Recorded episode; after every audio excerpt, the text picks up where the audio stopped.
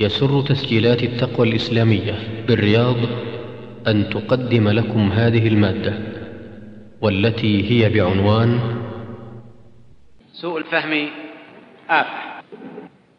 لفضيلة الشيخ محمد بن عبد الله الدويش بسم الله الرحمن الرحيم. الحمد لله نحمده ونستعينه ونستغفره ونتوب إليه. ونعوذ بالله من شرور أنفسنا ومن سيئات أعمالنا. من يهده الله فلا مضل له ومن يضلل فلا هادي له وأشهد أن لا إله إلا الله وحده لا شريك له وأشهد أن محمدا صلى الله عليه وسلم عبده ورسوله. أما بعد والذي سيكون عنوان حديثنا سوء الفهم آفة. آه، مقدمة سريعة بين يدي الموضوع. آه، ثم آه، سوء الفهم متى يكون آفة ومتى لا يكون آفة. وأخيرا أسباب سوء الفهم وبعد ذلك مقترحات للعلاج. إن نسمع كثيرا أن فلان قال كذا وفلان فيه كذا.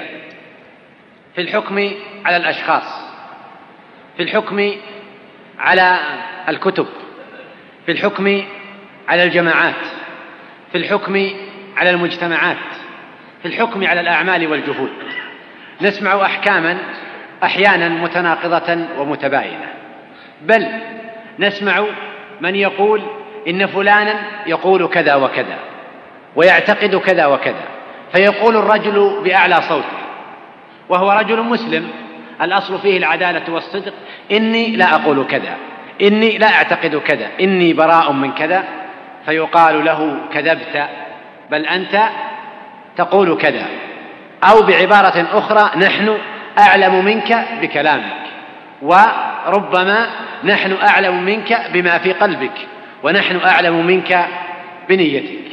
إن هذا لسان حال الكثير من الناس الذين يحاكمون الآخرين إلى أفهامهم وإلى نظراتهم هم وقناعاتهم هم.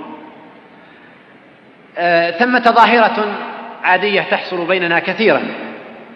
في الاتفاق على موعد في الاتفاق على مناسبة في نقاش قضية من القضايا. نفترق وكل منا في ذهنه أن الاتفاق قد تم على كذا وكذا. ونختلف في الموعد ثم يحصل النقاش والجدل. فيقول أنت قلت كذا فيقول لا قلت كذا. يقول اتفقنا على كذا والآخر يقول لا. وهي ظاهرة تحصل لنا كثيرا وتمر علينا في حياتنا. إنها مظهر من مظاهر سوء الفهم. فأحدنا قد أساء الفهم أيا كان إما أنا وإما أنت. المهم أنه مظهر تقف فيه أنت أمام الشخص فتقول له كان الموعد في المكان الفلاني. فيقول لا موعد قبله أو بعده. كان موعد في هذا الوقت؟ يقول لك لا. ما في احتمال للكذب ولا الروغان. زميلك صديقك قد تكون مصلحة مشتركة. ما في مجال أنه قال لك ما لا يعلم. ليس هناك الاحتمال واحد هو سوء الفهم. وهي تحصل كثيرا في حياتنا. تحصل كثيرا في حياتنا وفي مناسبات كثيرة. وحينئذ نحكم العقل أحيانا ونحكم المنطق لأننا نحتاج إليه وتنتهي هذه المشكلة. لكن سوء الفهم قد يمتد إلى ذلك. وينتج عنه نتائج وأحيانا ينتج عنه مواقف ونتائج سلوكية أخرى ومن ثم كان لابد من الحديث عن سوء الفهم. آه النقطة الأولى متى يكون سوء الفهم آفة؟ أولا أمر عادي أن يسيء المرء الفهم أو أن يخطئ في الفهم. وهذا في حياتنا كثيرا ما يحصل. كما ذكرت في المثال السابق أو أنت مثلا تسمع كلام من فلان من الناس فتفهم منه أنه يقصد كذا وتكتشف خلاف ذلك. أحيانا يأتي الموظف إلى المدير فيفهم منه مثلا أن المدير موافق على مشروع معين أو على برنامج يقترحه ويبدأ بالتنفيذ فيساءل من قبل المدير نفسه فيقول إنك قد وافقت فيقول لا. الآن هنا حصل سوء فهم. بل إن الخطأ في الفهم حصل من أصحاب النبي صلى الله عليه وسلم في مواقف كثيرة تحفظونها فلعلي أن أشير إلى بعضها إشارة عاجلة. النبي صلى الله عليه وسلم قال لأصحابه آه، في غزوة بني قريظة في قصة مشهورة لا يصلين أحدكم العصر إلا في بني قريظة. فكان من أصحاب النبي صلى الله عليه وسلم من صلى في بني قريظة فأخر صلاة العصر حتى وصل إلى بني قريظة بعد خروج الوقت. ففهم أن المقصود أن يصلي العصر نفسها في بني قريظة. ومنهم من فهم النص فهما آخر. ففهم أن النبي صلى الله عليه وسلم يريد منهم أن يعجلوا أن يعجلوا في المسير إلى بني قريظة ومن ثم أدوا الصلاة في الطريق. لا يهمنا الآن أن نقرر ماذا كان يقصد النبي صلى الله عليه وسلم لكن على كل حال منهم من أخطأ الفهم منهم من أخطأ فهم نص النبي صلى الله عليه وسلم. صورة أخرى أو مثال آخر الله عز وجل يقول وكلوا واشربوا حتى يتبين لكم الخيط الأبيض من الخيط الأسود من الفجر. فجاء عدي رضي الله عنه فوضع عقالين عند وساده خيطين أبيض وأسود. وأصبح ينظر إليهما فلما استبان له الأبيض من الأسود أمسك. فجاء للنبي صلى الله عليه وسلم فقال له مداعبا إن وسادك لعريض. أي كأنك قد توسدت الأفق إنما هو سواد الليل وبياض النهار. نحن الآن أمام خطأ في الفهم وقع من أحد أصحاب النبي صلى الله عليه وسلم فأخطأ في فهم هذه الآية. فظن أن المقصود هو أن يتبين له الخيط الحقيقي هذا الذي أمامه الأبيض من الأسود. آه، الله عز وجل يقول يا أيها الذين آمنوا عليكم أنفسكم لا يضركم من ضل إذا اهتديتم.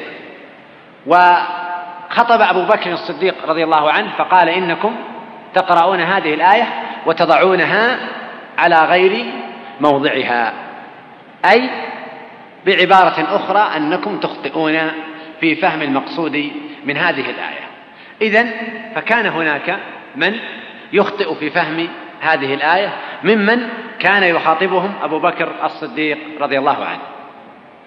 قال الله عز وجل ليس على الذين آمنوا وعملوا الصالحات جناح فيما طعموا. إذا ما اتقوا وآمنوا وعملوا الصالحات ثم اتقوا وآمنوا ثم اتقوا وأحسنوا والله يحب المحسنين.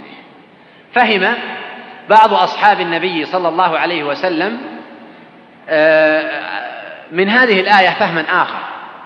فمنهم من شرب الخمر. متأولا هذه الآية في عصر عمر رضي الله عنه. ثم دعاهم وقررهم بالحكم. لا يهمنا الآن بقية القصة وما يتعلق بها. الشاهد أن هناك من فهم فيها من هذه الآية أن المؤمن ليس عليه جناح في أي أمر يطعمه أو يشربه إذا آمن بالله عز وجل وعمل صالحا. يقول الله عز وجل إن الصفا والمروة من شعائر الله فمن حج البيت أو اعتمر فلا جناح عليه أن يطوف بهما ومن تطوع خيرا فإن الله شاكر عليم. عروة بن الزبير رضي الله عنه سأل عائشة رضي الله عنها فقال أرأيت قوله تعالى؟ ثم ذكر الآية فقال آه، فهم عروة رضي الله عنه من هذه الآية أنها تدل على أن الطواف بالصفا والمروة ليس واجبا. إنما لا جناح على الإنسان أن يفعل ذلك.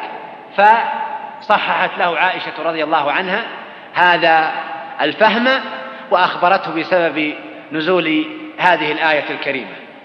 لعلي أقتصر على هذه الأمثلة.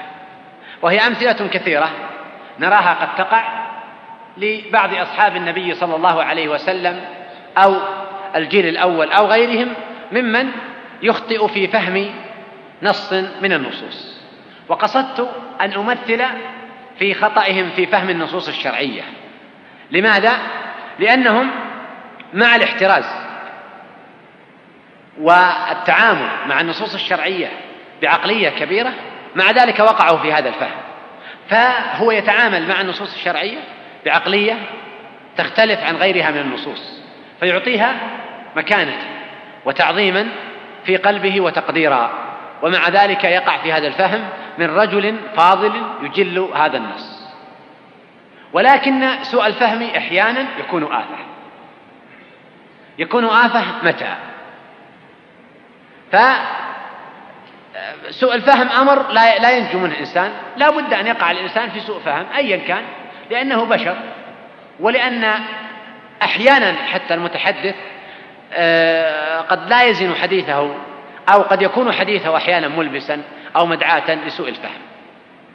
فأن نطالب الجميع بالتخلي عن سوء الفهم أو أن نحاكم الجميع عند سوء الفهم ونرى أن الجميع يجب أن تصح أفهامهم بنسبة مئة في المئة هذا أتصور أنه مطلب غير معقول. فلا بد أن يقع المرء في الخطأ في الفهم لكن متى يكون سوء الفهم آفة ونحن لن نتحدث عن هذه القضية جملة فلن نتحدث عن سوء الفهم وما يتعلق به إنما عن جانب من الجوانب عن مشكلة ومرض يحصل كثيرا في الساحة وسببه ونتيجته سوء الفهم ومن ثم سيتركز حديث, حديث سيتركز حديثنا حول هذه الظاهرة. يكون آفة حينما يكون قاعدة يحكم بها على الآخرين. أن أحكم على الآخرين من خلال فهمي لكلماتهم أو أقوالهم أو أعمالهم أو مواقفهم. فأحاكمهم إلى فهمي وحينئذ هو يقصد كذا يعتقد وتسمع هذه الكلمات التي تعبر عن أعمال قلوب. يقصد كذا يريد كذا. عنده يظهر شيء خلاف ما يريد. يتظاهر بكذا. كلها أمور تدور حول قضية قلبية. يعني أننا قد تجاوزنا نحن الظاهر إلى ما يخفيه صاحبنا.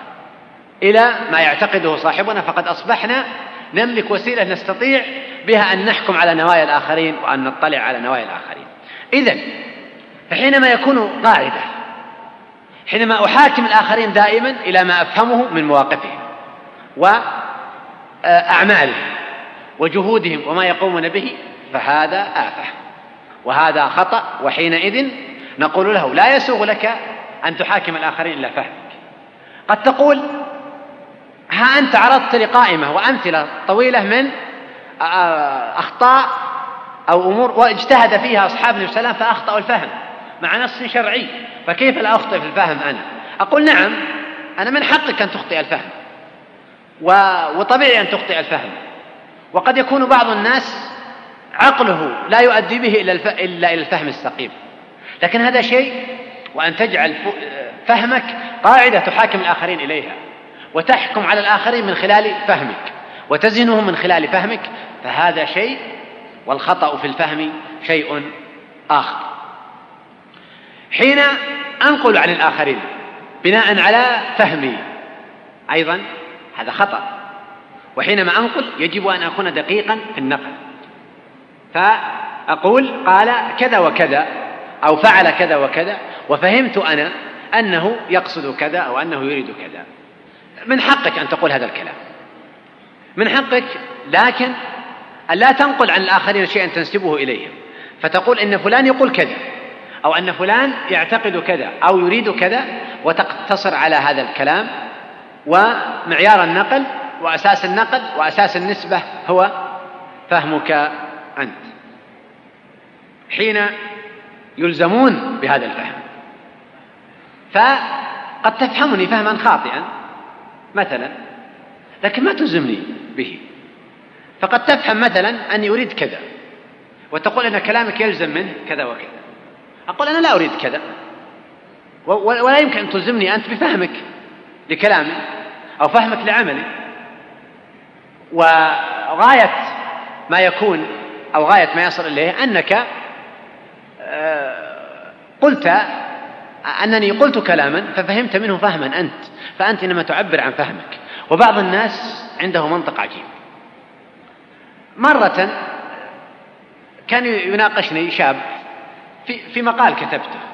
فقال لي إن الناس الذين تقصدهم في هذا الكلام عندهم كذا وكذا. قلت يا أخي ما أقصد أحد أنا أصلا بعينه أنا أنا ما أقصد أحد القضية وهم في ذهنك. إلا أنت تقصد. يعني أنت الآن تخبرني بمن أقصد أنا وبماذا أقصد وماذا أريد.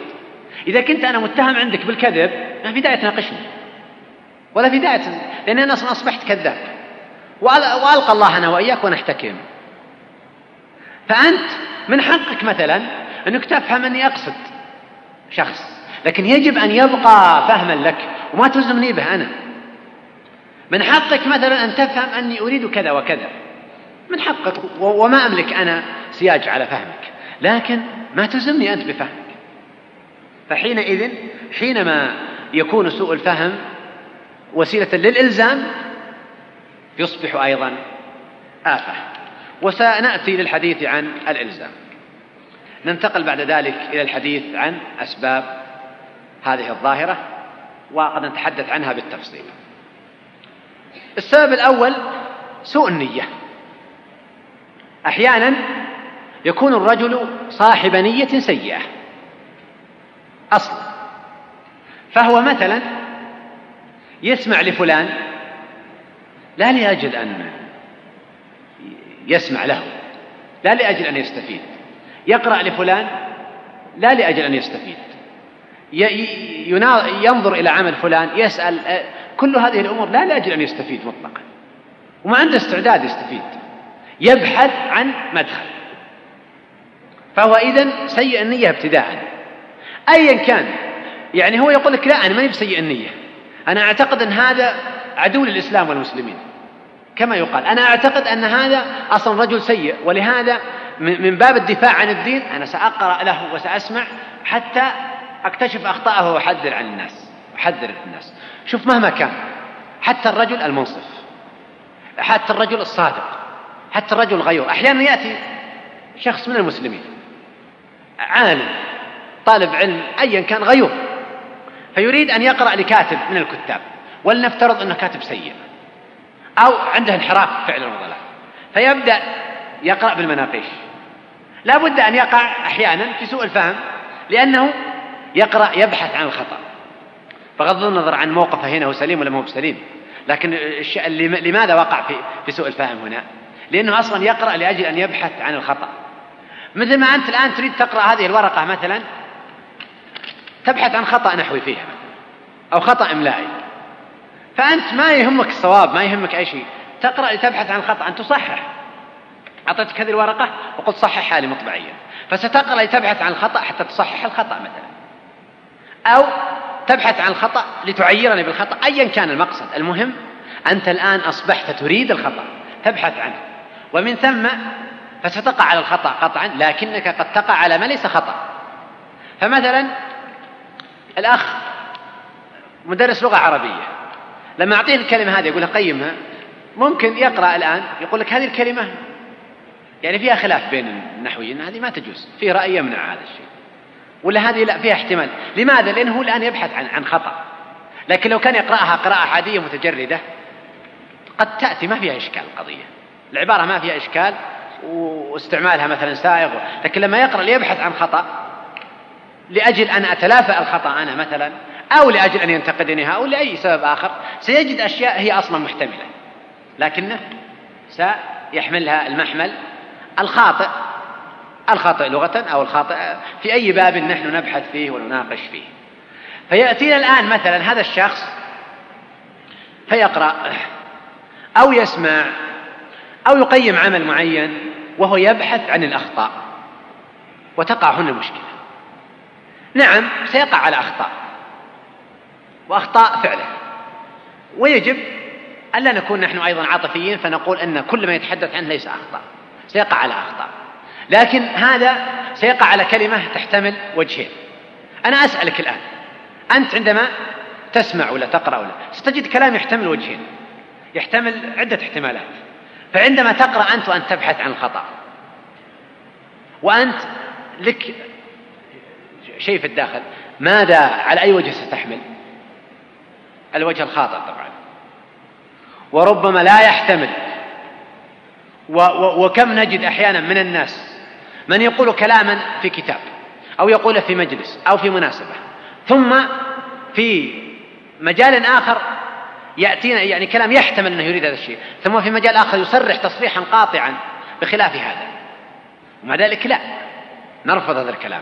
نسلط الضوء على على هالعبارة الصغيرة هذه ولا على هالموقف الصغير وما سواه نرفضه. وقد يقال له فيقول أنا لا أقصد كذا أنا لا أريد كذا فيقال لا أنت تقصد كذا وتريد كذا. يعني بعبارة أخرى نحن أعلم منك بما في نفسك وأعلم منك ما تريد وأعلم منك بما تقول. وإذا شككت في نيتك فعليك أن تسألنا. فنحن قد أصبحنا على مستوى من الاطلاع على النوايا. إن هناك فئة ممن يأتي بسوء نية. قد لا تكون بالضرورة سوء النية آه، القضاء على الإسلام والمسلمين. قد لا تكون سوء النية الحرب على الدين. قد يكون الشخص دفعه حسد لفلان من الناس مثلا. وكم واجه شيخ الإسلام ابن تيمية؟ وعبد الغني المقدسي وغيرهم من أئمة أهل السنة. كم واجهوا من مضايقات؟ ومن تحميل كلامهم ما لا يحتملون. وخالف الإجماع في هذه القضية. وفعل كذا وفعل كذا. لماذا؟ لأن عنده من من كان يقرأ ليبحث فيقف عند الحروف عند حتى عندما ناظروا شيخ الإسلام في الوسطية قالوا له لماذا قلت من غير تكييف ولا تمثيل ولم تقل ولا تشبيه؟ لماذا قلت هذه العبارة؟ يعني لك قصد في هذه العبارة. فأولئك مثلا منهم من كان صاحب علم منهم لكنه يحمله الحسد يحمله البغي. فصارت عنده صار عنده الشعور هذا. خلاص كون نظرة معينة فصار يبحث لهذا لأجل هذه القضية.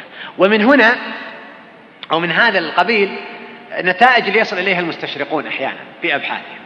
فالمستشرقون مثلا يقرؤون نصوص الكتاب والسنة والتاريخ الإسلامي ويخرجون لنا بأقوال أحيانا مضحكة ويدعون تناقضات ويدعون أخطاء إلى غير ذلك وعامل مهم من الأسباب يعني هناك عدة أسباب تحول بين المستشرقين وبين الفهم الصحيح من أسبابها سوء النية أنها أصلا يقرأ ويبحث لنية معينة فيصبح هو يفهم هذا يعني حتى هو في قراءة نفسه ما يعتقد إنه إنه إن القضية تحتمل ان لا يجب أن احملها على المحمل السيء لا صار تلقائيا أصلا يفهم هذا الفهم. وتلقائيا ينصرف إلى ذهنه مباشرة هذا الفهم السيء لماذا؟ لأنه صاحب نية سيئة. السبب الثاني قريب من هذا السبب وهو سوء الظن. سوء الظن. صاحبنا الأول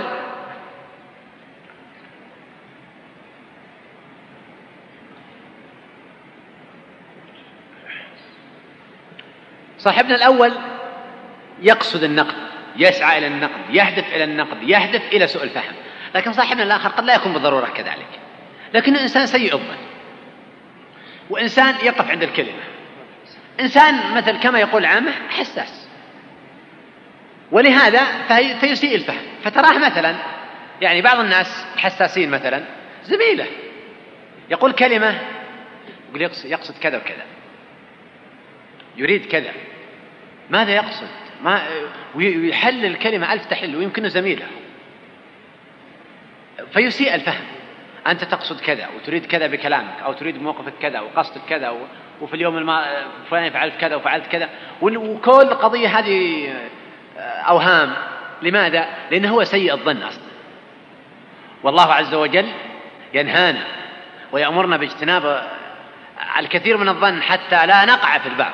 يا أيها الذين آمنوا اجتنبوا كثيرا من الظن إن بعض الظن إثم. فليس كل الظن إثم بعض الظن إثم. لكن يجب أن نجتنب كثيرا من الظن حتى لا نقع في هذا البعض من الظن الذي هو الإثم. فعندما يسيء الإنسان الظن بشخص أيا كان فلا بد أن يسيء الفهم تلقائيا. ف فهو يقصد كذا ويريد كذا وهذا لا يحتمل إلا هذا الشيء عند صاحبنا هذا. أنا أذكر شخص حساس جدا. كان يناقشني في مشكلة وكذا. قلت له طيب أنا أسألك سؤال. أنت ما تعرف أنك حساس أنت؟ قال لا. لكن أنا عندي ظن وظن وظن وظن. فصارت يقين. قلت عندك وهم ووهم ووهم ووهم فصارت يقين. والقضية كلها أوهام. كلها أوهام. وتأتي إلى صاحبك فتقول له أنت تسيء الظن. يقول لك لا ما في أحد يعترف أنه يسيء الظن أبدا. يقول لك لا هذا أصلا إنسان سيء. هذا إنسان. فلماذا دائما نحمل الكلمة على المحمل السيء؟ لماذا نحمل مقاصد الناس على المحمل السيء؟ أعمال الناس على المحمل السيء دائما. يريد كذا يقصد كذا يسعى إلى كذا إلى غير ذلك من المحامل السيئة. إن المنطق آه، العقلي البحت منطق العدل المجرد مع الناس أيا كان يجعلني أتجرد من كل هالقضايا هذه. وأنظر إلى الكلام مجردا عن كل الأوهام اللي عندي أنا والتحليلات اللي عندي. ثم أحاكم هذا الكلام إلى ما يقوله هو في مناسبة أخرى إلى أعماله الأخرى فسأصل إلى نتيجة سليمة قطعا.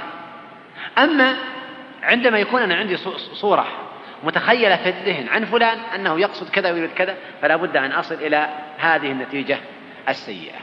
ولهذا كان الظن أكذب الحديث. اتقوا الظن فإن الظن أكذب الحديث. كيف يكون الظن أكذب الحديث؟ نعم. الظن أكذب الحديث. لأنك تتوهم أن هذا صدق. ما في شك. ما في نقاش وهو كذب. ويتجاوز الكذب إلى إخبار عن أشياء دواخل وعن نوايا إلى غير ذلك فصار أكذب الحديث فعلا. الجانب الثالث أو السبب الثالث وجود خلفية سابقة. مسبقة سواء كانت حقيقية أو متوهمة. فمثلا الآن عندما يأتينا شخص مثلا أن تأتي تريد أن تصلي الجمعة مع شخص أو شخص يأتي في المجلس مثلا أو مدرس يأتي في الفصل أو إنسان يتحدث مع مع مجموعة في مناسبة. فيأتيك شخص قبل يقول أن هذا عنده كذا وكذا وكذا يعطيك خلفية معينة عنه.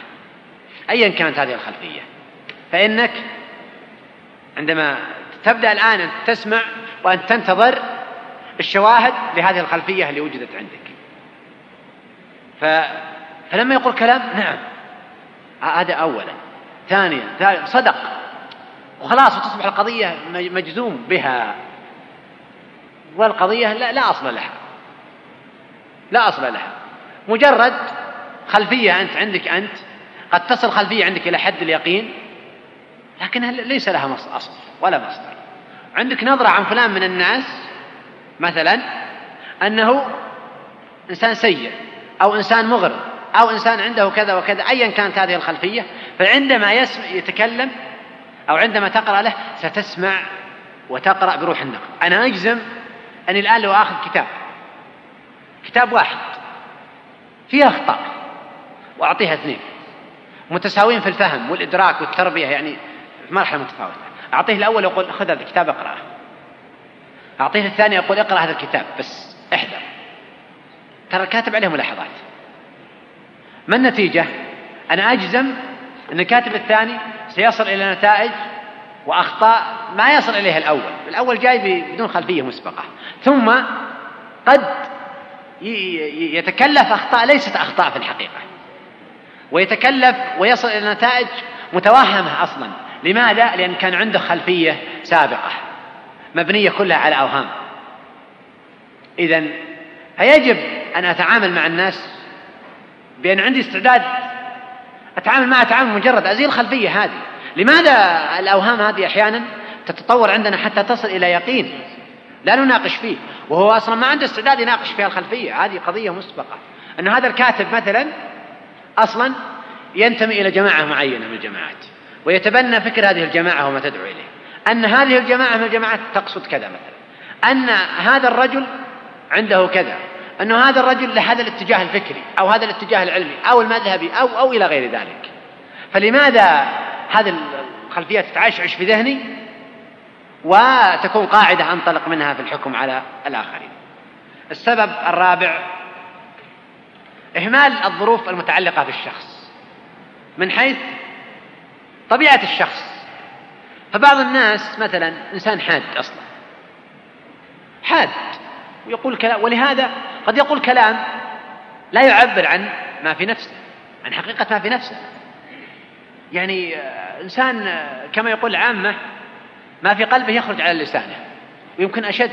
تجده مثلا يغضب ويغلظ عليك الكلام وحتى كأن الأرض لن لن تحملك بعد ذلك وما في قلبه أي شيء. أنا أذكر أستاذ آه، لا أدري ما أخباره لنا غفر الله له وجزاه عنا خيرا. رجل فاضل أستاذ فاضل لكن كان شديد الغضب بشكل عجيب. وأحيانا يغضب عليك حتى تضيق عليك الأرض ما رحبت. تتخيل أنه سيهم بالبطش بك الآن.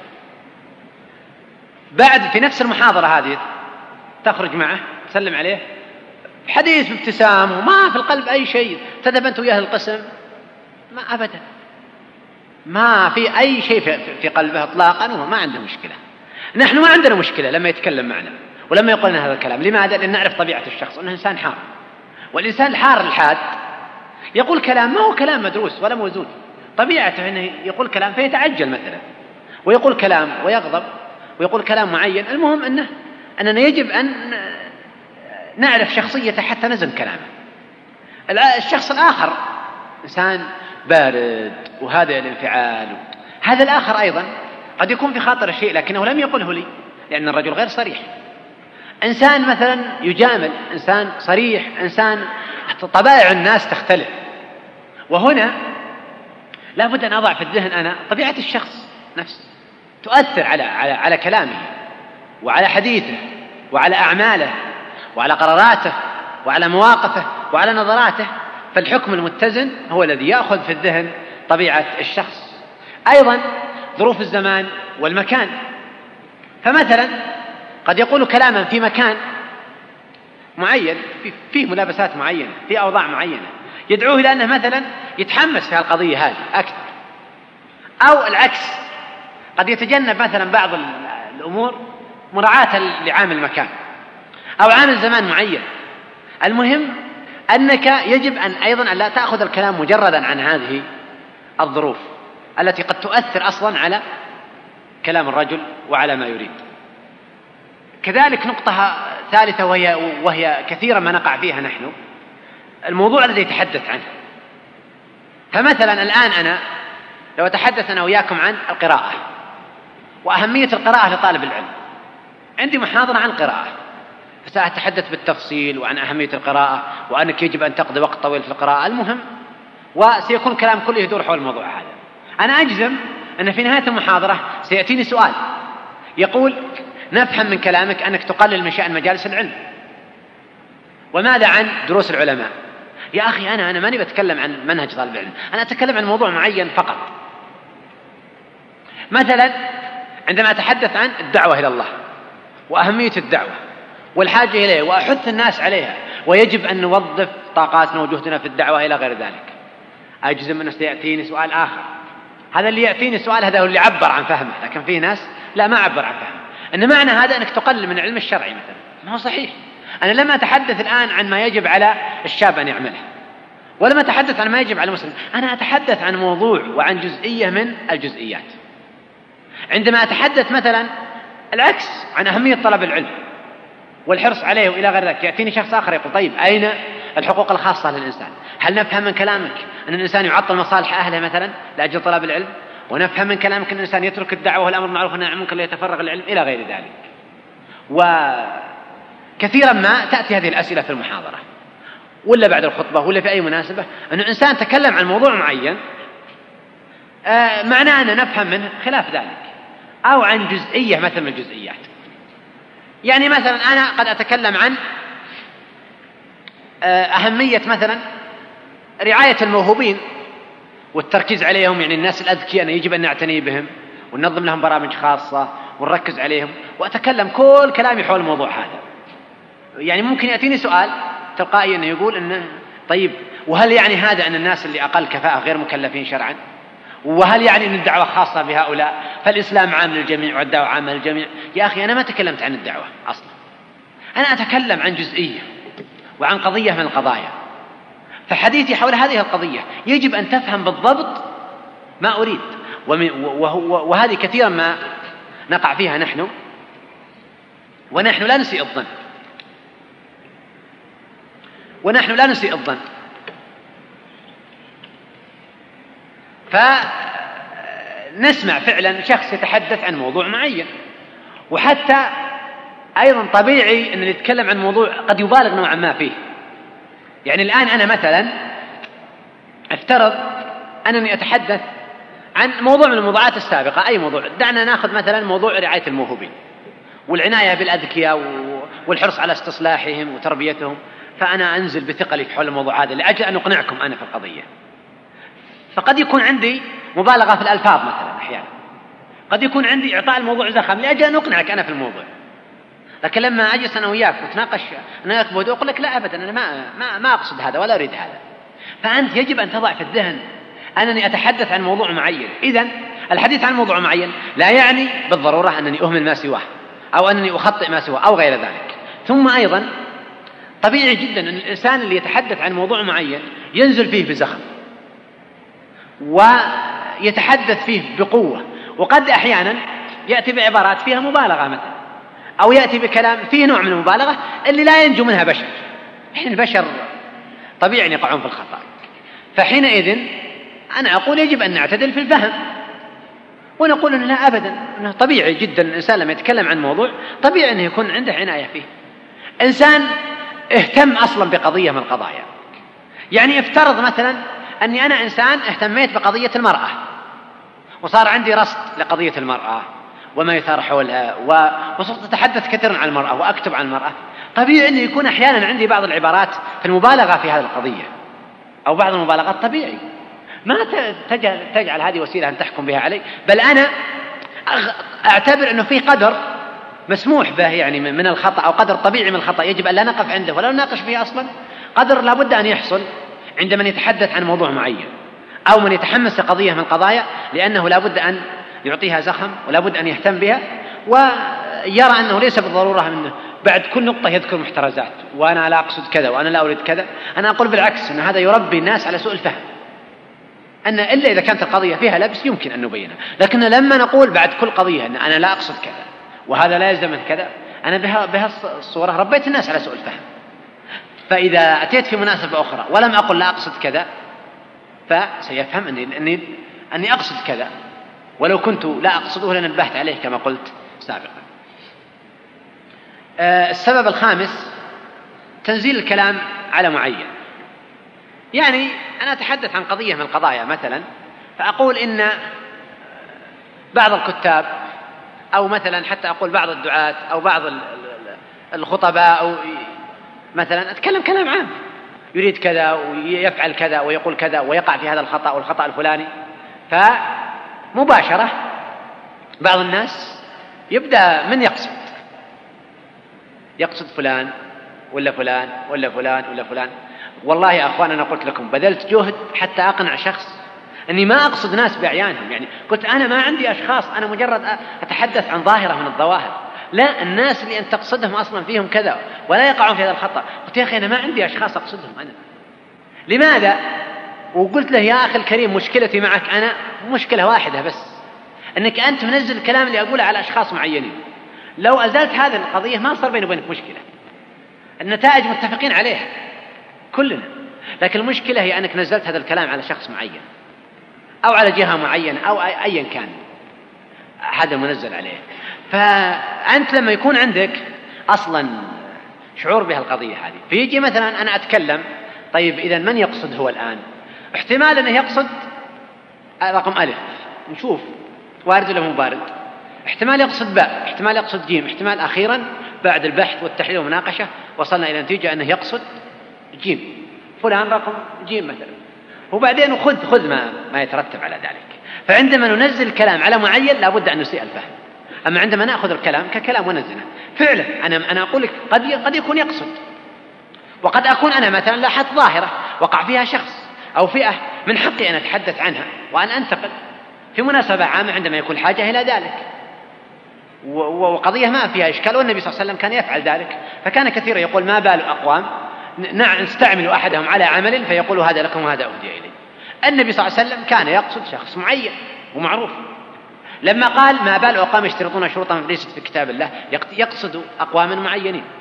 لكن هذا شيء وأن نكون قاعدة عندنا أن دائما ننزل الكلام يقصد فلان يريد فلان وبناء عليه سنسيء الفهم لأن كان عندنا نزلنا الكلام على على شخص معين. أما لو نأخذ الكلام مجرد قد لا يحصل في ذلك إشكال. سادسا من الأسباب القول باللازم. القول باللازم. كيف القول باللازم يعني أقول أنه يلزم من من كلامك كذا وكذا. فأنا أقول مثلا عندما أقول إن الأساتذة في المدارس أعتبرهم هم البوابة لهذا المجتمع. أعتبرهم هم الذين يصنعون الجيل. هم يتحملون مسؤولية عن صناعة الجيل وعن صياغة الجيل وإلى غير ذلك. طيب يأتيني إنسان يقول يلزم من كلامك مثلا أن العلماء ليس لهم قيمة. يلزم من كلامك أن خطباء الجوامع ليس لهم قيمة أن القضاة ليس لهم قيمة. وهكذا يرتب على كلامك لوازم معينة. وتعرفون أنتم القاعدة الشرعية القاعدة عند أهل العلم في التعامل مع اللازم فيقولون لازم الكتاب والسنة هذا حق. أما لازم المذهب مسألة يبحث يبحث العلماء لازم المذهب هل هو مذهب أم لا؟ يعني لازم قولي أنا. هل هو قول لي أم لا؟ حتى افترض أنه فعلا يلزمني. يعني أن كلامي يلزم منه كذا. هل يمكن أن تحاكمني إلى هذا ولا لا؟ ف يعني باختصار ليس هذا وقت تقرير هذه المسألة لكن نقول هذا اللازم له ثلاث حالات. الحالة الأولى أن تلزمني به فألتزم. أن تقول لي مثلا أن يلزم من كلامك كذا وكذا. أقول نعم أنا أعتقد كذا وكذا. الآن هذا صار قولا لي بلا إشكال. الحالة الثانية أن تلزمني به فلا ألتزم. أن تقول مثلا أن كلامك يلزم منه كذا وكذا أقول لك لا ما يلزم من كلامي كذا. ما يلزم من كلامي أو أنا لا أقصد كذا. فالآن لا إشكال أنه ليس قولا لي. لكن في ناس لا ما عنده قاعدة. تقول لا أنا لا أريد كذا أنا أعتقد يقول لك لا. ما تعتقد كذا. ولا تريد كذا. هؤلاء ليس لنا معهم حديث. هذا إنسان أصلا سيء النية أو إنسان مغرض أو أو عنده أصلا مشكلة يعني مشكلة ثقة أزمة ثقة ما هي قضية قضية فهم. الحالة الثالثة هي اللي فيها الآن النقاش لما لا يناقش فيه يعني أنه فلان قال مثلا أفتى بفتوى أو قال في كتاب معاصر ولا غير معاصر ولا ميت فهل يلزم يعني كلامه يلزم منه كذا؟ هل يمكن أن نقول أن أنه يعتقد كذا أو أنه يرى كذا؟ فأفتى في مسألة فقهية مثلا. أفتى في مسألة فقهية معينة مثلا. قال إن مثلا طهارته باطلة من فعل كذا. فنقول أنه يلزم منه مثلا أن صلاته باطلة ويلزم منه كذا وكذا. هل نلزمه بهذه الفتوى؟ هل يكون هذا القول قولا له؟ فنقول مثلا عندما يفتي الإمام أحمد بفتوى فيلزم منها فتوى آخر أو رأي آخر. هل نقول أن الإمام أحمد أيضا يرى هذا الرأي؟ فنراه مذهبا له أم لا؟ وبدون أن طبعا يلتزمه أو ينفيه. وإذا التزمه فلا إشكال وإذا نفاه فلا إشكال. الصحيح أن لازم القول ولازم المذهب ليس مذهب. لأنه قد مثلا إنسان بشر. قد تقول إن كلامك يلزم من كذا أقول لا أنا ما أعتقد كذا. وأعترف لك أن كلامي يلزم من كذا لكني لا أعتقد هذا. وأتراجع. فنتيجة حماس إنسان أو نتيجة موقف مناظرة أو نقاش مثلا قد يقول كلام غير موزون فيغيب عنه اللازم لأن الإنسان بشر. أو مثلا قد لا يسلم لك قد يقول لا أسلم لك أصلا أن هذا يلزم منك كذا وكذا. على كل حال ليس هذا مجال تقرير هذه المسألة الأصولية. المقصود منها أن لازم المذهب ليس مذهب وأن لازم القول ليس قول خاصة أن نفرط إحنا في اللوازم أيضا. إن ما هي القضية قضية اعتدال نفرط في اللوازم. فمن من الأسباب القول باللازم. أن لا يقول الإنسان قولا أو لا يصرح به لكننا نرى أنه يلزم من من هذا القول أو يلزم من هذا العمل كذا وكذا. فنبني على هذا اللازم أحكاما ومواقف وقناعات ليست في الحقيقة مواقف صادقة ولا قناعات صادقة. سابعا عدم إدراك أطراف الموضوع. إنسان يتكلم في موضوع عدم إدراك أطراف الموضوع. إنك ما أدركت الموضوع إدراك كامل. فمثلا شخص كتب كتاب عن مشكلة من المشاكل وجيت أنت وقرأت لي مقطع منه. واستليت المقطع. كتاب كلام طويل. ممكن تأخذ لي مقطع تفصل عما قاله من بعده تعطيني اياه أنا أقول لك نعم هذا ما في شك يحتمل كذا وكذا. لكن لو إني أعرف الموضوع اللي يتحدث عنه. وأدركت أطراف الموضوع كله آه سافهم القضية فهما آخر. أحيانا مثلا آه، دعونا نضرب مثال في المحاضرة هذه مثلا الآن. واحد ما حضر معنا الجزء الأول لما يأتي يقول أنت الآن تشن حملة على من يسيء الفهم. يا أخي أصحاب النبي صلى الله عليه وسلم وقعوا في خطأ في الفهم. وهذا يلزم وكلامك يلزم منه أنك تنتقص أصحاب النبي صلى الله عليه وسلم. وهذا يعني أنك إنسان سيء المعتقد لأنك قلبك ليس سليما لأصحاب النبي صلى الله عليه وسلم. وممكن يطلع لك في سلسلة طويلة. لكن لو أدرك أطراف الموضوع كله مثلا لعلم أنني تحدثت عن هذه القضية وأنني إذا كان كلامي يلزم من هذا أنا على الأقل لا ألتزم بهذا. فهو مثلا أحيانا ما يعرف وش المشكلة. يعني كم يثار نقاش حول قضية من القضايا. مثلا عالمين صار بينهم ردود في موضوع من الموضوعات ولا قضية من القضايا. يدخل فيها أفواج ما يعرفون وش القضية أصلا. وما يستطيع أن يستوعب القضية موضع الخلاف أصلا. فافترض أني بيني وبين شخص خلاف. صار بيننا نقاش في مجلس من المجالس. في ناس حاضرين ناس ما ما يو... ليسوا مؤهلين أن يستوعبوا أصلا هذه القضية. فلما يقول لك فلان رد على فلان وفلان كذا ما هو عارف أصلا وش الموضوع. ولو جلست أشرح له أنا ما القضية موضوع الخلاف لا يستطيع أن يستوعبها. فهذا لم يدرك أصلا المشكلة. أو سمعني أتحدث فلم يسمع إلا جزءا من حديثي مثلا. أو قرأ لي كتابا فلم يقرأه كله. فقرأ جزءا. فلم يدرك أطراف الموضوع ومن ثم فعلا قد يصل إلى فهم سيء وفهم خاطئ لكن عندما يدرك أطراف الموضوع كله فحينئذ سيصل إلى فهم سليم أيا كان هذا الفهم السليم أو أيا كانت نتيجته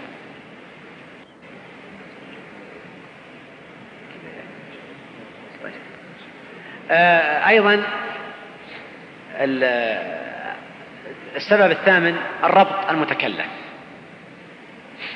أن يربط. يعني مثلا يأخذ كلام هنا وكلام هناك وكلام هنا فيربط إذا بينها رابط.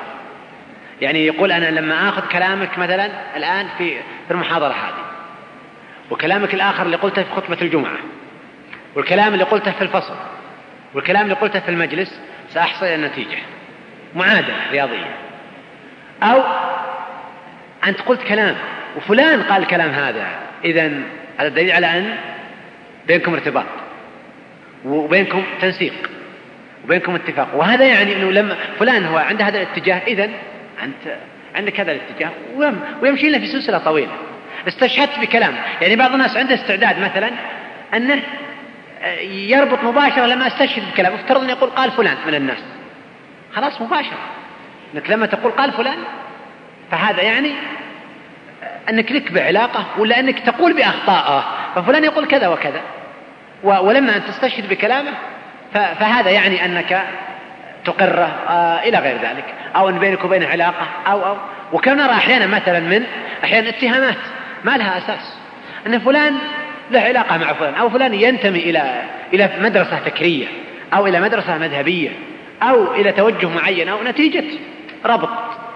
وأن النهاية كلها أوهام مع أوهام فتصل إلى قناعة عندنا والقضية كلها ربط متكلف لا يمكن أن نبني عليه أحكام.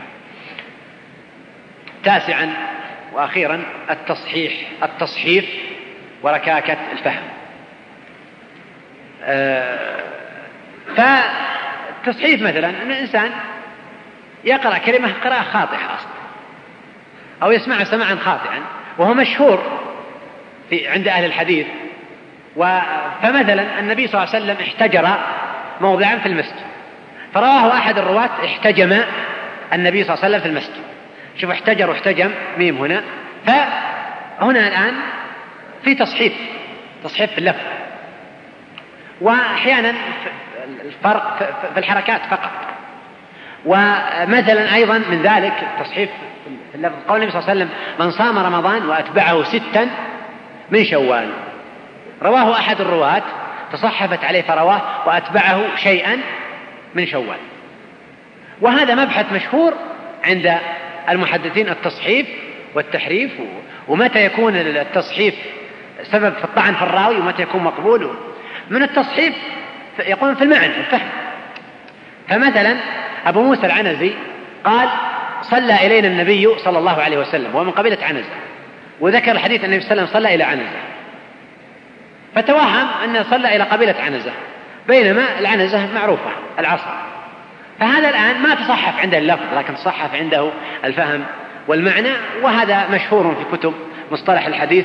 بل هناك كتب خاصة في التصحيف وأغلاط المحدثين تجد فيها نماذج وأمثلة كثيرة حول هذه ومنها أمثلة طريفة. أنا أذكر مثلا مرة في مناسبة واحد في مجلس يقرأ خبر ورقة فيها خبر. في النهاية يقول حرر حرر في بيت فلان وفلان. خلاص أدخل ورقة وجلسنا نتناقش فقال واحد إن بيت فلان حرق.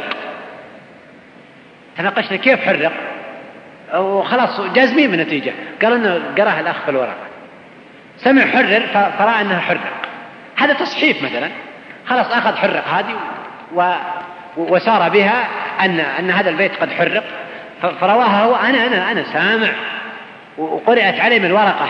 فعلا وأنا أسمع وصحيح الرجل موثوق لن يكذب لكنه قد تصحفت عنده فقد وهم وأحيانا ركاكة الفهم. بعض الناس كما يقال أقول زيدا ويسمع عمرا ويكتب خالدا. يعني فهمه سيء أصلا فهمه سقيم وهذا ما في حل. لكن هذا على الأقل نقول يعني أنه يجب أن يقال يا أخي ما يعني إذا كان فهمك أنت سقيم ما تحاكم الآخرين إلى فهم. فبعض الناس أصلا ركيك الفهم هو هو ضعيف الفهم لا يفهم.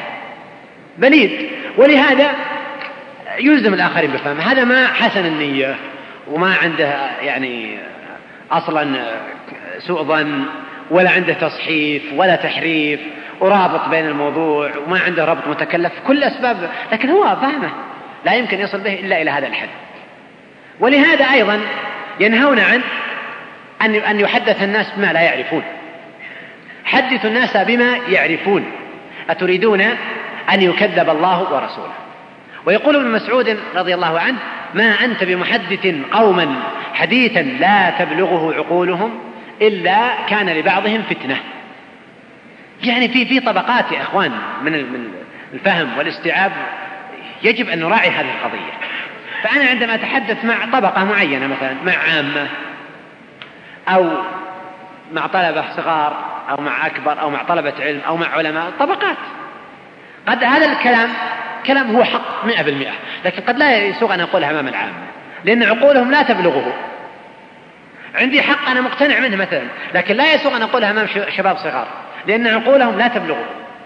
وهكذا فهناك من عقله لا يبلغ فهم هذا الأمر فيفهم فهما سيئا.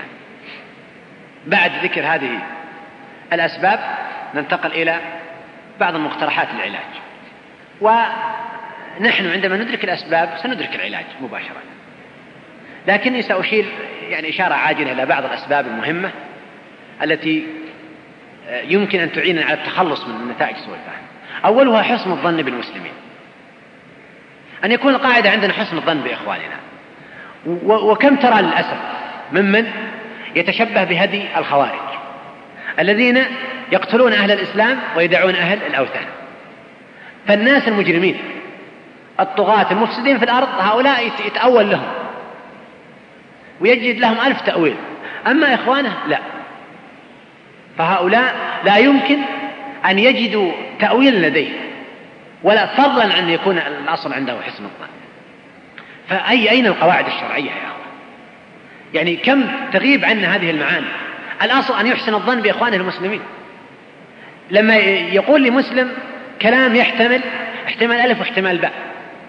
فيجب أن أحمله على أحسن محمل على أن أحسن الظن. أقول مثلا فلان قال هذا لكن هذا القول لا يليق به فلا أتصور أنه يقصد كذا أو لا أتصور أنه يريد كذا إنما أتصور أنه يريد الأمر الآخر. وأحيانا يكون مثلا احتمال ألف نسبة 80% لكن احتمال باء نسبة 20% لما يكون احتمال باء هو الأولى ظنا فينبغي أن أحمله على هذا المحمل. ثم ما المشكلة؟ عندما أحسن الظن بفلان وأكتشف أنه على خلاف ذلك ما في مشكلة. ما في مشكلة. و... وكم نرى يا أخوان ممن فعلا يقيم معارك ومشاكل ومعارك داخل الصف لأجل قضايا تافهة كلها كانت ناتجة عن إهماله لهذا الأدب الشرعي ألا وهو حسن الظن بإخوانه المسلمين. فنحن يجب أن نحسن الظن بالمسلمين ابتداء. فضلا عن طلبة العلم. فضلا عن أهل العلم والدعاة والناس اللي يتصدون لخدمة دين الله عز وجل هؤلاء يجب أن نحسن الظن فيهم. وما يسوء أن يكون أحيانا للأسف أنك تجد المسلم الخير العادي يقرأ في الصحف ولا يسمع تقارير سياسية مثلا. ولا عند عن دعاة ولا عن ناس في فيحامل فيحملهم على هذا المحمل. وهو يعرف أن هؤلاء قد جرب عليهم كذبا. فكم نقرأ مثلا أحيانا في صحف نعرف أنها سيئة أو وسائل الإعلام نعرف أنها سيئة أو بعض مثلا الزعماء المشاكل تصير في الخارج ونسمع عنها. فنحكم على إخواننا من خلال ما قاله هؤلاء. ولا نحسن الظن بإخواننا. فأقول يجب أن يكون القاعدة عندنا يا إخوة أن نحسن الظن بإخواننا المسلمين. بالمسلمين عموما فضلا عن الناس اللي يتصدون للخير والذين ظاهرهم الخير والصلاح و... وأن نحملهم على المحمل الحسن نعم هناك من يتستر هناك من يقصد مقاصد هناك ناس سيئين لكن واضحين واضحين. ولا يمكن أن تقودنا الغيرة على الدين والإسلام إلى أن نفتش عن الناس ونفتش عن الأخطاء والعيوب ونتطلع ونسأل ونناقش وحتى نريد أن نصل إلى هذه النتيجة التي هي أصلا قد قررناها سلفا وذهبنا نبحث عن مسوغ لها. خطوة أخرى أيضا ألا نقصد إلى تتبع عورات الناس وزلاتهم. ومن تتبع عورة إخوانه المسلمين تتبع الله عورته حتى يفضحه ولو في جوف بيته. وتتبع الزلات والعورات والأخطاء وتصيدها هذا مظهر من مظاهر مرض القلب عافانا الله وإياكم. والبشر لابد أن يقعوا في الخطأ أيا كان. لكن عندما لا لا نسأل إلا عن الزلات ولا نسأل إلا عن الأخطاء ولا نبحث إلا عن الأخطاء فلا بد أن نصل إلى مثل هذه النتائج. وهب أن فلانا أخطأ أو قال ما لا يليق أو فعل ما لا يليق أو أيا كان ما في خاطرك إن هذا لا يعني أن يكون هذا مدعاة إلى أن تبحث عن مرادف لهذا الخطأ ثم تبحث عن ثالث ثم عن رابع حتى بعد ذلك تصل إلى نتيجة وقناعة تريدها أنت في نفسك. ثالثا الدقة في النقل أن نكون دقيقين عندما ننقل فأنت عندما تنقل كلام يفهم منه يجب أن تنقل الكلام بلفظه وحروفه ثم بعد ذلك من حقك أن تذكر فهمك. لكن يجب أن يعلم الجميع أن هذا فهمك وليس هذا هو ما يقصده.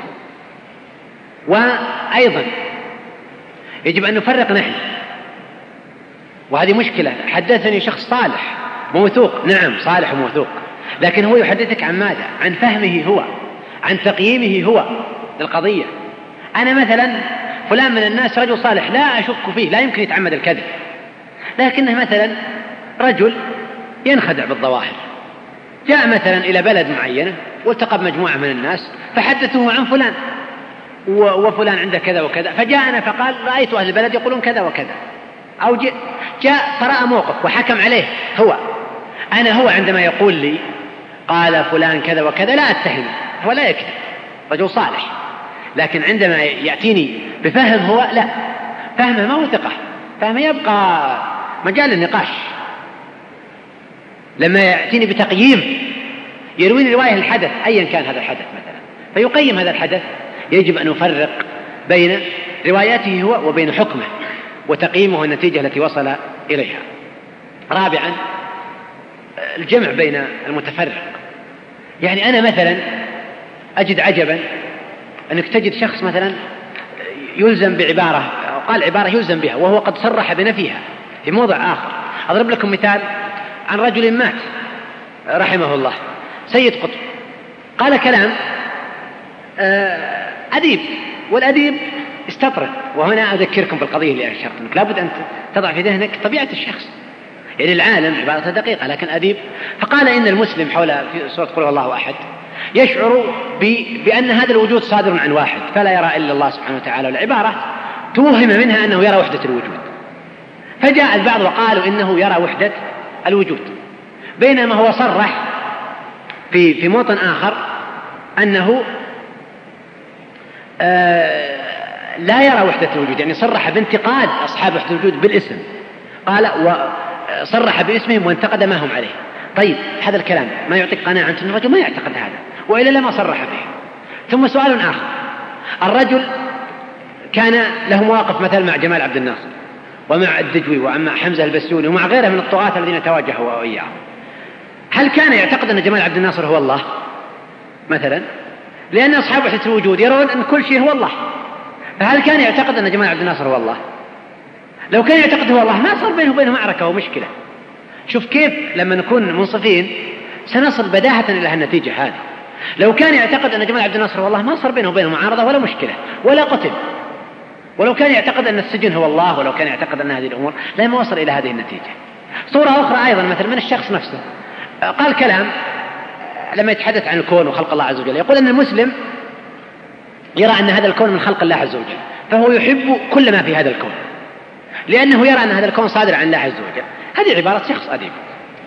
فجاء شخص ليس سيء النية يعني رجل فاضل فقال هذا يترتب عليه أنه يحب الشياطين. شوف كيف؟ يحب الكفار يحب وهو له مواقف واضحة من كلام عن اليهود والنصارى والكفار إلى غير ذلك. إلى إلى غير ذلك. شخص مثلا يقول كلام فيفهم منه أنه يرى هذا الرأي بينما تراه ألف كتاب كامل في تفنيد هذا الرأي ومناقشته. هل يمكن أن يتهم بعد ذلك بأنه يقول هذا الرأي؟ هذا منطق غير مقبول أبدا. ولهذا يجب أن ندرك شخصية الإنسان لما نريد أن نحكم. وما عنده ومنطلقاته. طبعا أنا مثلا لما أقول هذا الكلام مثلا عن سيد قطب رحمه الله يأتيني شخص يقول ما وقع في خطأ إلا وقع في خطأ ورجل أخطأ مثل ما يخطأ غيره. لكن لما يقع في خطأ لا يدعون هذا إلى أن يكون الخطأ عندنا هو القاعدة. وأن نحاكم الرجل إلى كل يعني كل موقف. قاله آه نبدأ نقيم ونراجع أنه يقصد كذا ويريد كذا. وغيره وغيره من, علماء الإسلام السابقين الذين ألزموا بلوازم لا يقولون بها أصلا. وقد تراه كما قلت لكم قد ترى شخص مثلا يتحدث يقول عبارة يفهم منها أنه يقصد شيء معين وتراه قد ألف أحيانا كتاب كامل في الموضوع أو قد صرح في مناسبة بالرد بصراحة على هذه القضية وأحيانا يقال له إنك قلت كذا وكذا فيقول لم أقل كذا ولا أعتقد كذا ولا أريد كذا فماذا تريد بعد ذلك منه يعني إنسان يقول أنا لا أعتقد كذا لا أريد كذا ماذا تريد منه بعد ذلك؟ أنا أكثر ما أملك هذا. إذا وصلت القضية إلى هالحد صارت القضية أصلا لجج وخصومة وأزمة ثقة ولم تكن أزمة سوء فهم كما أشرنا قبل قليل. آه، هذه خواطر عاجلة حول هذا الموضوع وأرجو أن لا أكون أنا وقعت في سوء الفهم حين تحدثت عن سوء الفهم وأيضا أن لا يساء فهم ما قلته وأنا أتحدث عن سوء الفهم وأسأل الله سبحانه وتعالى أن يرزقنا وإياكم العلم النافع والعمل الصالح وأن يجنبنا وإياكم الزلل في القول والعمل ونترك بقية الوقت الإجابة على أسئلة الأخوة. يعني هذا الأخ يطلب إعادة العناصر. نحن قلنا مقدمة أولا. ثم متى يكون سوء الفهم؟ آفة ومتى لا يكون آفة؟ وضربنا أمثلة ببعض حالات الخطأ في الفهم اللي حصلت من أصحابنا السلف ومن السلف حتى نقول أن سوء الفهم لا ينجو منه كل إنسان فقد يكون أحيانا آفة وقد لا يكون آفة. ثم تحدثنا عن الحالات التي يكون فيها سوء الفهم آفة عندما يكون معيار يحكم به على الآخرين عندما يلزمون به عندما ينقل عنهم. ثم انتقلنا إلى عنصر آخر وهي أسباب سوء الفهم وذكرنا تسعة أسباب سوء النية سوء الظن وجود خلفية مسبقة حقيقية أو متوهمة إهمال الظروف المتعلقة بالشخص من حيث طبيعته وظروف الزمان والمكان وتطرقه لموضوع معين تنزيل الكلام على معين القول باللازم عدم إدراك أطراف الموضوع الربط المتكلف التصحيف وركاكة الفهم. وأخيرا تحدثنا عن العلاج وقلنا أنه يتمثل في عدة نقاط منها حسن الظن عدم قصد تتبع العورات والزلات الدقة في النقل التكامل في النظرة إلى الشخص والأعمال والربط بين كلام الشخص وجمعه جملة واحدة.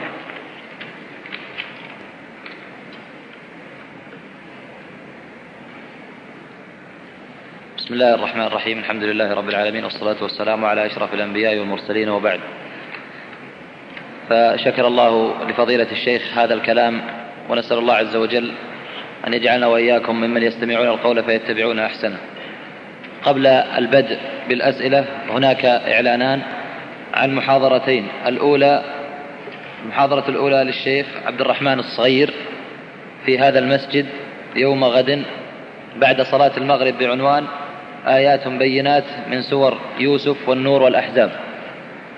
أما المحاضرة الثانية فهي من تنظيم المركز الصيفي بثانوية اليمامة وهي بعنوان العلم وفضله لفضيلة الشيخ عبد الرحمن بن ناصر البراك. والآن نأتي نعم يوم السبت الموافق آه، للرابع من هذا الشهر. في نفس المسجد في هذا المسجد. يعني محاضرة الجمعة والسبت في هذا المسجد. الأولى للشيخ عبد الرحمن الصغير والثانية للشيخ عبد الرحمن البراك الأسئلة الحقيقة كثيرة جدا ولا نستطيع أن نذكرها جميعا لعلنا نقتصر على بعضها. هذا سائل يقول كيف أرد على من يسيء الظن أو الفهم بحجة مقنعة مراعيا في ذلك أصناف الناس من سمح ومتكبر ومعاند؟ يعني أولا هذا حكمك على الناس. أنت لما تقول فلان متكبر وفلان معاند هذا حكم ليس بالضرورة نقبله. حكم لك أنت ونتيجة وصلت إليها أنت فهذا قد لا نوافق عليه. ثم سوء الظن أمر نهى عنه الشرع. وقلت لكم يا أخوان قاعدة سيء الظن ما يعترف لك أنه سيء الظن. يقول لا أنا ما هو سيء الظن هذا إنسان أصلا سيء. هذا إنسان يقصد كذا وإلا لو اعترف أنه سيء الظن انتهينا. يعني انتهى طبيعة الناس. آه مثلا الرجل الإنسان المسرف ما يعترف لك أنه مسرف يقول لك لا هذا وضع طبيعي. البخيل لا يعترف أنه بخيل. كل صاحب مشكلة لا يعترف إذا اعترف لأن هذه ألفاظ مباشرة مرفوضة. يتعلق بها المدح ويتعلق بها الذم. فسيء الظن لا يعترف لك أصلا بأنه سيء الظن. حتى تقول له اجتنب هذا السوء. هناك أكثر من سؤال يسأل عن هل هناك فرق بين سوء الفهم وسوء الظن؟ نعم. يعني سوء الظن نتي... قد ينتج عنه سوء الفهم. سوء الظن شيء في القلب. الظن شيء في القلب يعني. أنا آه، أصلا عندي عدم ثقة بالناس عموما أو بشخص معين لسبب أو لآخر. هذا سوء الظن قضية داخلية. سوء الفهم فهم لتصرف مثلا لعمل أو لكلام أو وقد يكون فيه ارتباط وثيق لكن هذا لا يعني أنهما شيئان واحدا.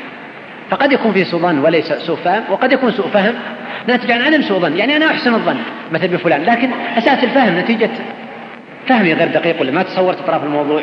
وقد يكون سوء الفهم من رجل خير يعني. لا يعني هذا أن يعني يكون سوء الفهم دلالة على على سوء الإنسان وسوء قصده وسوء ظنه.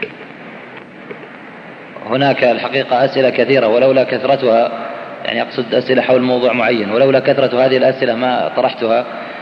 وقد تكلم فيها كثير من العلماء وأشار أيضا إليه الشيخ بإشارة بسيطة ولكن لعله يعني يلقي نظرة أو إضافة حول هذا الموضوع. ألا وهي قضية من يسيئون الفهم في الدعاة آه، وفيما يقولون وما يكتبون ويتخذون هذا مجالا للتكلم في أعراضهم والوقوع في نياتهم ومقاصدهم. آه، يعني أولا هؤلاء لا يستحقون أن نجعل منهم قضية ومشكلة نتحدث عنها. لكني فقط ألفت أنظاركم إلى قضية تأملوا فيها. واقع هؤلاء. ماذا يعملون؟ يعني ماذا يقدم مثل هذا الرجل؟ لا يعمل شيئا. وشوف خذ قاعدة. في ارتباط. عكسي مثل ما يقولون الرياضيين. ارتباط عكسي بين الانتقاد كثرة الانتقاد وبين العمل. أكثر الناس انتقاد لهؤلاء الدعاة والعلماء ما يعمل شيء. أنت ترى هؤلاء أحيانا بعض الدعاة وبعض العلماء وغيرهم من الناس وقته كله مليء. لله تحتاج منه موعد ما تستطيع أن تحصل منه على وقت. رجل عامل جاد وهذا إنسان فارغ. مرة في بيت فلان ومرة فلان ومرة في المناسبة الفلانية فلان مجرد ينتقد. أنا أقول يكفيك أنت في شؤم هذا المسلك أن أصحابه ناس غير عاملين. لا يقدمون شيء ولا يعملون شيء. العمل الوحيد الذي يقدمونه هو هذا لتكفيك تقتنع. نحن يا أخوان بحاجة إلى عمل. أنا أسألكم نحن الآن في المجتمعات الإسلامية جملة ما يجب أن دائما لا نكون إقليميين.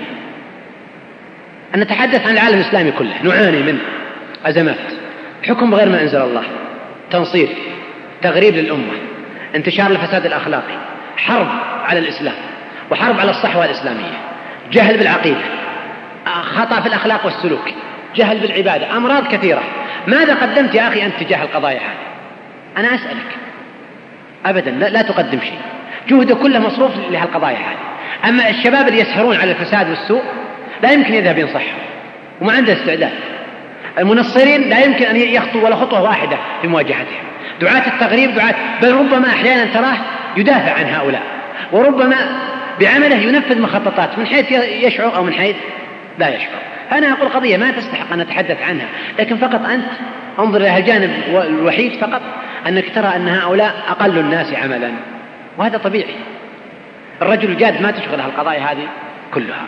ثم هذا لا شك أنه ناتج عن سوء ظن أو عن سوء قصد أو ما يهمنا إحنا. أنا أعرف كثير منهم خيرين ما هو سيء النية أصلا. ولا إنسان خير وإنسان يرى أن هذا من الدين لكن مسكين. يعني هذا هذا مبلغه من العلم. وهناك لا من يدفعه الحسد وهناك من يدفعه أمر آخر وهناك من له مقاصد أخرى. هذا سائل يقول هل هناك حالات لسوء الفهم يثاب عليها؟ وإذا لم يكن فالصحابة الذين اختلفوا في القصة المعروفة في قصة بني قريظة هل بعضهم يثاب وبعضهم يعاقب؟ أنا سبق أن أشرت في البداية إلى أنه قد يحصل يجب أن نتأدب مثلا يعني مع الصحابة أو ما نقول سوء فهم نقول خطأ في الفهم أو خطأ في الاجتهاد. فقلت أن هناك قدر طبيعي أصلا لابد أن يقع فيه الإنسان. والأخ نبهنا إلى قضية أنه فعلا أن مثلا قد يأتي مجتهد إلى نص من النصوص فيخطئ في الفهم فيه. فالآن يثاب ثواب أجر واحد على الاجتهاد لكنه لو أصاب فسيثاب ثوابين على الاجتهاد والصواب. لكن نحن لا نتحدث أصلا عن عن سوء الفهم كله جملة إنما نتحدث عن جانب من الجوانب الذي ينتج عنه سلوكيات خاطئة ومواقف خاطئة. هذا أيضا يقول سؤال حول شريطك التربية الجادة. يقول آه، قد يكون هناك مجموعة من الشباب فيهم الجديد على الالتزام وفيهم من قطع شوطا في هذا الطريق فلو وضع برنامج مكثف فسوف ينفر الجديد. ولو وضع برنامج خفيف فلن يتحقق فلن تتحقق التربية الجادة للقديم فكيف نجمع بين هذا وذاك؟ آه، يعني يمكن أن لا نسير الناس وتيرة واحدة. وأن نضع مثلا يعني خط عام يسير عليه الجميع ثم نقاط أخرى مجالات أخرى وبرامج أخرى. فيها مجالات أن أن فلان الطموح وفلان المتطلع آه، يستطيع أن يحصل أكثر. وينطلق أكثر. فلا نضع خط عام يلزم الجميع. يعني أنا أضرب لكم مثال مثلا أنا عندي مجموعة من الطلاب في حلقة قرآن يحفظون. فعندما أقول كل يوم تحفظون صفحة.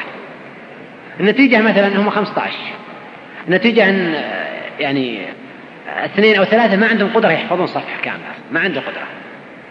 وأيضا اثنين وثلاثة لا عندهم قدرة أكثر. فلما أضع خط واحد وبرنامج واحد للجميع سأقع في الإشكالية هذه. وأظل أصل إلى آخر حد. تكون برامجي دائما تتعامل مع الشريحة الأقل. لأني أقول أن هذا طيب بيترك الحلقة. خلينا نتركها مثلا أقل من الصفحة. لكن أنا لما أضع مثلا أقول حد أدنى صفحة وبعدين اللي عنده استعداد يحفظ أكثر يمكن يحفظ أكثر. يحصل أكثر ويحصل أكثر. الآن فتحت مجال. فكذلك البرامج يجب أن يكون فيها تنويع. بحيث أن تخدم الجميع. هذه مشكلة تحصل كثيرا مثلا في المراكز الصيفية أن المركز يكون فيه عدد كبير من الشباب. فيهم ناس طلبة علم وفيهم ناس حديث عهد بالتزام وفيهم ناس مستويات مختلفة. فعندما أضع برنامج واحد للجميع كلهم يحصل فيه إشكال. إذا رأيت هؤلاء نزل البرنامج وإذا رأيت هؤلاء تأثر أولئك.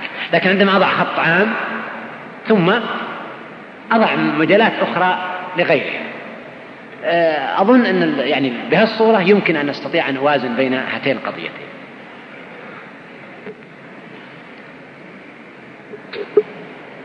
هذا يقول هذا يقول إذا كان هناك إنسان موضع لسوء الفهم فرأيته في موطن ريبة فوقع في نفسي بعض الشيء وأخبرت بعض الناس هل علي ذنب في ظني فيه وهل علي ذنب في إخباري بما وقع؟ أنا أتصور مثلا أن أو, أو أفهم من من سؤال الأخ حتى لا أفهم سؤاله أنه يتحدث عن حالة أن الإنسان سيء مثلا أصلا صاحب فجور. ورأيته في السوق ولا رأيته يدور حول البيت ولا رأيته مع شخص من الناس فأسأت به الظن. فهل ينبغي لي أن أخبر أم لا؟ هذه في قضايا يا أخوان متقررة عند العقلاء. يعني رجل مشهور بالفحش والسوء ثم أراه مع مع مع شاب صغير مثلا. من حقي أن يخبر والده من حقي أني يعني أنهاه. طبيعي مجال لسوء الظن الآن.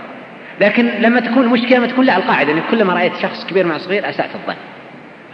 فهذه هاتان صورتان يجب أن نفرق بينهما. إنسان شاب مثلا أراه يدور في السوق. ما يذهب ويأتي. أنا أعرف الآن أنه من خلال رصد الموقف وشخصيته سأصل إلى نتيجة. أنا أن هذا الرجل صاحب نية سيئة مثلا. ولا شخص واقف عند مدرسة البنات بطريقة معينة. أعرف أنه إنسان يعني النظرة العامة أدت إلى نتيجة. قد تكون نتيجة خاطئة أحيانا وقد تكون مصيبة لكنها غالب الظن. فلا يمنع من أن أتخذ موقف معه. لكني أيضا لن أعاقبه مثلا. هذا الشخص وأتخذ معه يعني فعلا موقف حاسم عقوبة لا. قد يناقش وقد يعاقب لأنه وقع نفسه في موطن التهمة. وحتى يؤدب غيره ولا يجترئ فهذه صورة غير التي تحدثنا عنها حول قضية سوء الظن. وهنا سؤال يقول هناك موضوع درسناه وحفظناه منذ منذ الصغر في المساجد والمدارس وفي البيوت. ألا وهو موضوع الغيبة يعرفها الصغار والكبار. إلا أنه في هذا الزمان توسع الموضوع حتى ضاقت حدوده حتى معذرة عند أهل الخير والصلاح. فما هي هذه الحدود التي نلتزم بها؟ الحدود اللي نلتزم بها أن الغيبة حرام. كل الغيبة حرام إلا ما ترتب عليه مصلحة شرعية يعني القضايا اللي ترتب عليها مصلحة شرعية وعدوها التظلم أو الاستفتاء أو التحذير من رجل ضال ومبتدع أو نقاط محددة معروفة استشارة في زواج مثلا في قضية تترتب عليها مصلحة أنا أريد أن أشارك شخص فأستشير شخص يعرف يقول لي لا يعرف إنه خائن مثلا الآن استشرته مؤتمن يجب أن يشير عليه. أو إنسان جاء يخطب مني مثلا. فسئلت عنه يجب ان أقول كل ما أعرف عنه. ولا يعتبر هذا غيبة. فقد جاءت امرأة النبي صلى الله عليه وسلم تسأله خطبها فلان وفلان فقال أما فلان فصعلوا كل مال له. وأما فلان فضراب للنساء لا يضع العصا عن عاتقه وانكحي فلان. فالحدود واضحة يعني أنا أتصور ما عندنا مشكلة من الحدود. لكن هي أمر نستهين به ونتساهل. ثم إذا وقعنا يعني نحاول ندخلها في الحدود ولا نوسع الحدود شوي علشان تدخل هي؟ أيهما أيسر يعني؟ وهذا يقول أنا شخص أخاف النقد لدرجة كبيرة مما أثر ذلك على شخصيتي وأصبحت أبتعد عن المناقشات والاختلاط ويعني يجلس لوحده ويخشى على نفسه من ذلك. فما رأيكم العلاج؟ آه، أولا مشكلة أصلا. نحن عندنا مشكلة أننا نقرن بين الخطأ والفشل. أن الإنسان اللي يخطئ في تجربة هذا رجل فاشل. بين الخطأ والانحراف إنسان وقع في خطأ علمي هذا منحرف. هذا سيء ما هو صحيح فالرجل الناجح قد يفشل. التاجر مثلا التاجر الناجح البارع ممكن يدخل في صفقة ويفشل فيها. إنسان أي شخص بارع في أي ميدان يمكن يدخل فيه ويفشل. في في أي تجربة. ففشلي في التجربة أصلا لا يعني أنني إنسان فاشل. ثم هب أنك إنسان فاشل. يمكن أن من خلال النقد مرة ومرتين تنجح المرة الأولى. والمرة الثانية تنجح حتى تزيد حالات النجاح ثم تصل بعد ذلك إلى نتيجة نهائية. وكل إنسان عنده هدف وجاد يريد أن يحققه سيصل إليه ما دام هذا الهدف موضوعي ويستطيعه ويجب أن يعرف الإنسان أنه عنده قدرات أيا كان هذا الإنسان. يعني يا أخوان حتى الحيوان أعزكم الله. لما تعود على شيء يتقنه. فكيف بالإنسان؟ يعني الكلب مثلا يدرب على قضايا معينة كلب حراسة ولا كلب بوليسي ولا ويتقنها. ببغاء يردد عليه صوت وبعدين يحفظه ويردده. وخذ أمثلة كثيرة. أنت لن تكون أسوأ حالا من هذه الكائنات الحية. ولست أغبى الناس ولا أكثر الناس فشلا. فينبغي لا يصيبنا إحباط. يعني فشلت هالمرة أخطأت. فشلت أخطأت أخطأت. يمكن أن أنجح مرة أخرى. ولا إشكال. وعندما أفشل هناك غيري فشل أخطأت هناك غيري أخطأ. إحنا الإنسان الجاد في الحياة هو الذي سينجح ولا يبالي. أما الإنسان اللي يعني سيخاف من الفشل والخطأ فيجب أن يعرف أنه لا ينبغي أن يعيش في الحياة مع الناس. لأن لابد أن يفشل ولا بد أن يقع في الخطأ. يقول فضيلة الشيخ السلام عليكم ورحمة الله وبركاته. قال رسول الله صلى الله عليه وسلم تنكح المرأة لأربع لمالها ونسبها وحسبها ودينها فاظفر بذات الدين تربت يداك فما المقصود بالمال والنسب والحسب؟ حيث, حيث أن البعض قد أساء الفهم وبالتالي حصلت العصبيات القبلية وغير ذلك. طيب والأخ يعني تصرف في قراءة السؤال ويعذرني. لأن السؤال كذا حتى تعرفون اللبس اللي وقع عند الأخ. يقول قال الرسول صلى الله عليه وسلم تنكح المرأة لأربع لمالها ونسبها وحسبها فما المقصود بالمال والنسب؟ والحسب حتى يساء الفهم طبعا موقف الأخ سليم أنه أضاف هذه الجملة لكن نحن لو أضفنا الجملة هذه انتهى ما في إشكال. تنكح المرأة لأربع لدينها ومالها فاظفر بذات الدين تربت يداك. انتهينا ما في إشكال.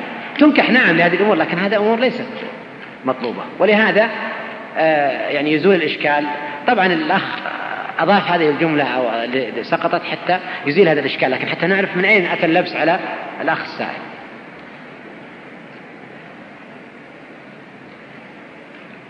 تحرق يا شيخ يطيح الميكروفون.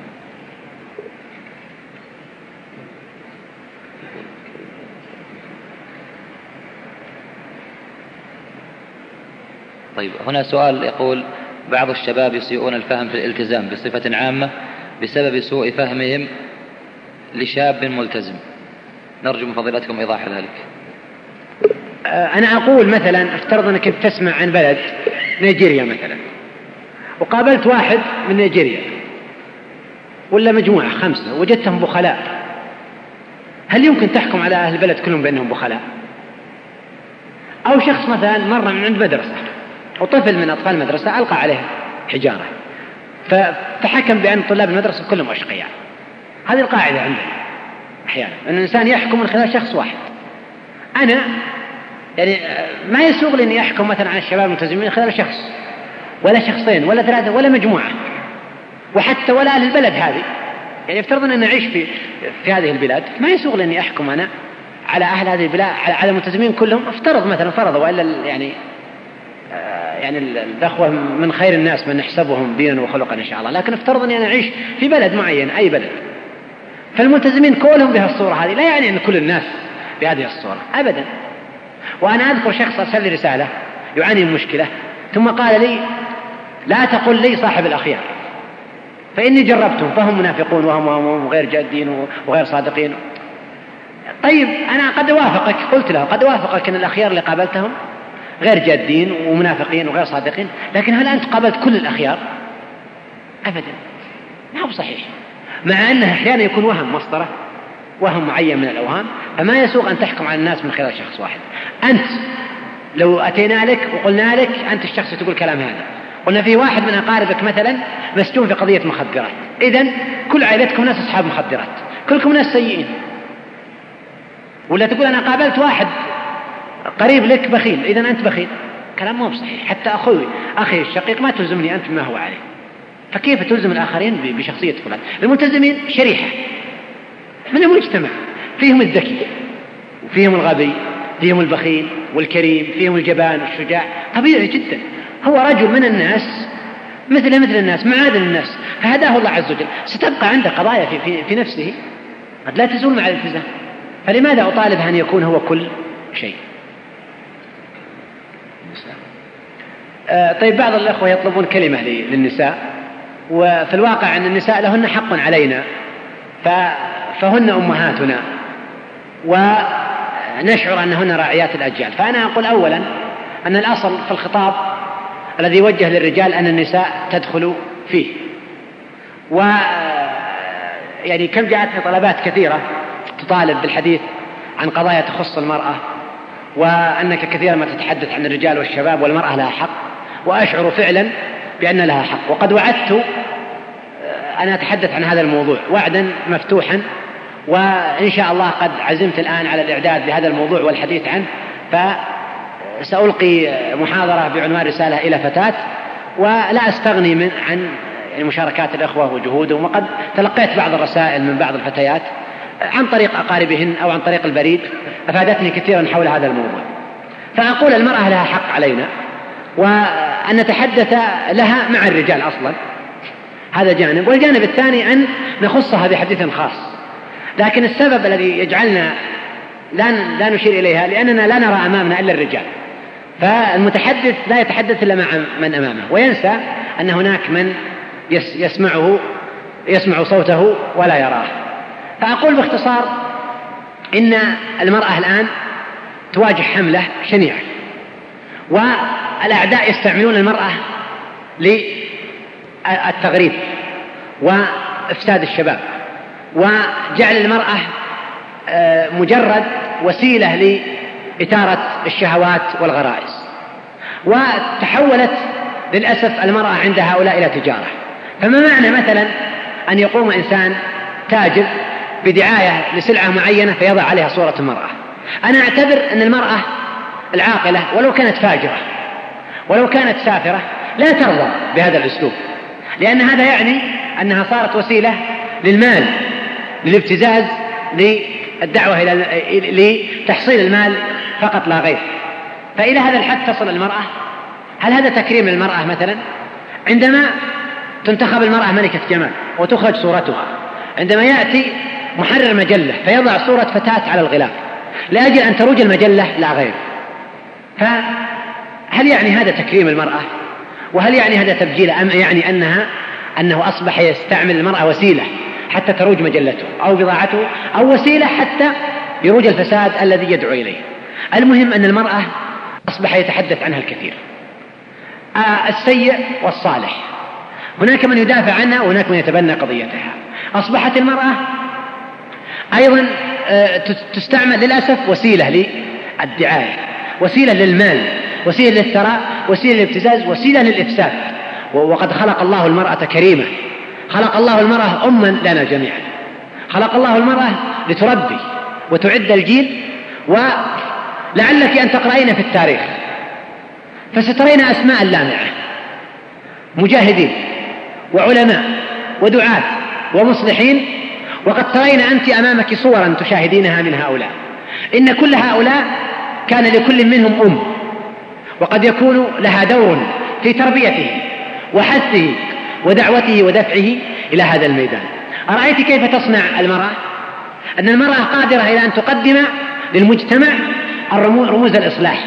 قادمة إلى أن تقدم قادرة على أن تقدم الخير الكثير للمجتمع. المرأة تحمل رسالة مكلفة شأنها شأن الرجال. ولها وظيفة خاصة خلقها الله عز وجل لها وجعل لها طبيعة خاصة فعندما نخرج بها عن طبيعتها لا بد أن يحصل هناك انحراف وخلل. هذا والله أعلم وصلى الله وسلم على نبينا محمد وسبحانك اللهم وبحمدك أشهد أن لا إله إلا أنت أستغفرك وأتوب إليك. أيها الإخوة بموجب فهرس تسجيلات التقوى فإن رقم هذا الشريط هو عشرة آلاف وسبعمائة وتسعة. أيها الإخوة نأسف لوجود خلل فني في تسجيل هذه المادة ولكن نظرا لأهميتها رأينا طرحها للاستفادة منها. والله ولي التوفيق.